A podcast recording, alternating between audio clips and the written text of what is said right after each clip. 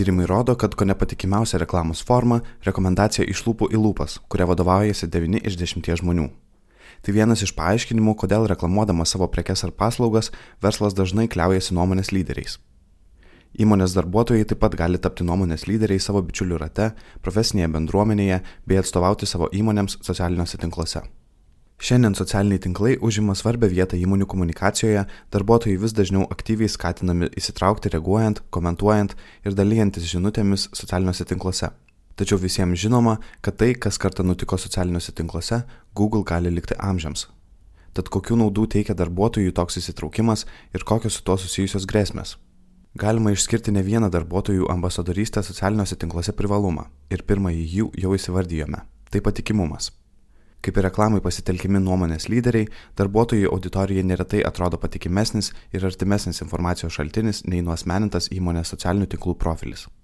Skleidžiant prekės ženklo žinutę per jo ambasadorius darbuotojus, galima tikėtis didesnio auditorijos įsitraukimo, pasitikėjimo prekės ženklu, o galop ir geresnių pardavimų. Galų gale, juk yra sričių, kuriuose svarbus pardavėjo įvaizdis bei jo tiesioginis kontaktas su klientu, pavyzdžiui, verslas verslui pardavimų atveju. Be to, brangstant socialinių tinklų reklamai ir mažėjant įmonių profilių organiniam pasiekimumui, darbuotojų ambasadorystė socialiniuose tinkluose gali tapti vis galingesniu įmonės žinučių sklaidos kanalu. Pavyzdžiui, gerai žinomam nuomonės lyderiui Svetbank vyriausiajam ekonomistui Nerijui Mačiuliui pasidalinus aktualią organizacijos žinutę, jos organinis pasiekimumas gali padidėti net kelis kartus. Tačiau nemažiau svarbus ir kitas aspektas. Įsitraukę darbuotojai turi galimybę stiprinti savo profesinės pozicijas, ekspertiškumą mėgsti naudingus ryšius ir auginti savo karjerą. Jie jaučiasi įgalinti labiau prisidėti prie organizacijos siekiamų tikslų, todėl neretai toks įsitraukimas didina ir darbuotojų lojalumą. Savo organizacijoje darbuotojus ekspertiškumu ir įžvalgomis kviečiame dalintis Facebook grupėje Pinigai reikalai. Be to, darbuotojų aktyvumas socialiniuose tinkluose gali tapti darbdavio įvaizdžio dalimi. Šiandien potencialūs darbuotojai neretai patikrina ne tik įmonės paskirą, bet ir potencialių kolegų paskiras. Taigi darbuotojų ambasadorystė gali pasiūlyti nemažai privalumų organizacijai. Visgi labai svarbu darbuotojams tai daryti tinkamai, išvengiant ginčių ar konfliktų su kita nuomonė turinčiais socialinių tinklų vartotojais.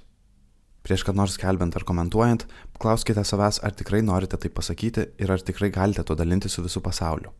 Net ir dalyvaujant uždarų Facebook grupių diskusijose ar bendraujant privačiomis žinutėmis su draugais, turite elgtis apgalvotai. Ten padaryta ir be konteksto išplatinta ekrano nuotrauka gali pridaryti žalos ne tik jums, bet ir jūsų santykiui su darbdaviu.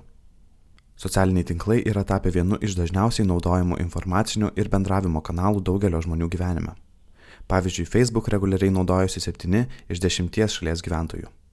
Tiesa, ne visi esame vienodai aktyvūs socialiniuose tinkluose, neretai dar santūriau žvelgiame į galimybę dalytis profesinę ar tiesiogiai su darbovietė susijusią informaciją.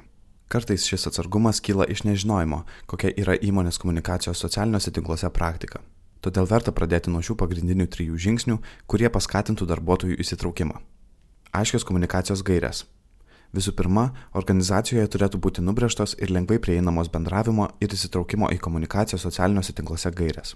Svarbu aiškiai išdėstyti įmonės vertybės ir pagrindinius principus, kuriais remiantis patartina komunikuoti socialiniuose tinkluose.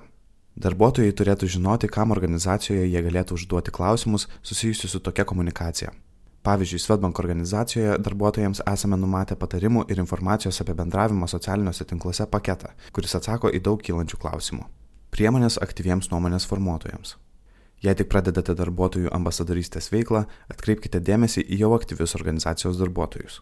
Galbūt tarp jų esama daugiau ar mažiau sekėjų turinčių nuomonės formuotojų.